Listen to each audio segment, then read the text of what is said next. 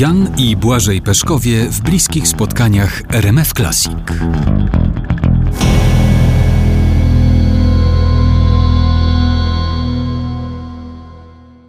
Proponuję następną kategorię. Istota teatru, istota aktorstwa. Po tym, co usłyszeliśmy wcześniej, wnioskuję, że istota teatru jest dla panów wspólna, a przynajmniej bliska. A gdybyście panowie mieli za zadanie określić jednym zdaniem istotę teatru, to jak ono by brzmiało? Czym jest teatr dla panów? Trudne. No, to jest rząd dusz. To jest to marzenie naszych romantyków. Ja stojąc na scenie, ja, aktor, mam taką potrzebę, żeby po tamtej stronie wyczuć e, sytuację, w której czuję, że te dusze tam w tym skrytym, ciemnym miejscu, osoby siedzące podążają za mną.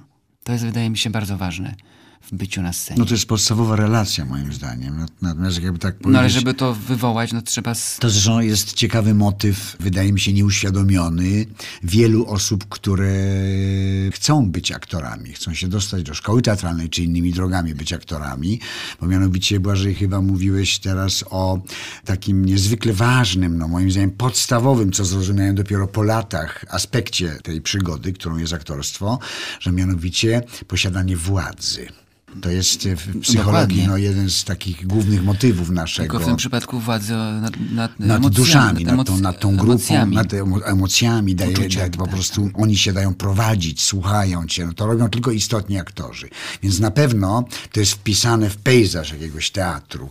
Ja jakoś też mam silnie tak zako- zakodowane, żeby próbując odpowiedzieć jednym zdaniem, czym jest teatr, to jednak teatr jest platformą, przestrzenią, z której mówi się o świecie, w którym się żyje. A więc i o człowieku, którym się przekazuje Można też mówić o świecie, o którym się marzy. o którym się marzy, oczywiście, bo to jest to, za szekspirowskim e, stwierdzeniem Hamleta podłożenie tego zwierciadła, w którym się odbija świat jakoś inaczej, przez jakieś refleksje. Czasami jest on jakiś zdeformowany, ale jednak ciągle mówimy o świecie, który nas otacza. Ja nie zgadzam się totalnie z, młodymi, z młodą generacją reżyserów, aktorów itd., itd., że ponieważ świat który nas otacza, sprawia wrażenie y, destrukcji, czy totalnego bałaganu, czy totalnego braku wartości, że to jest ten prawdziwy świat. Nie. Ludzie tak reagują teraz na siebie, na problemy, nie, po prostu nie radzą sobie z tysiąca powodów i to jest niezwykle interesujący problem.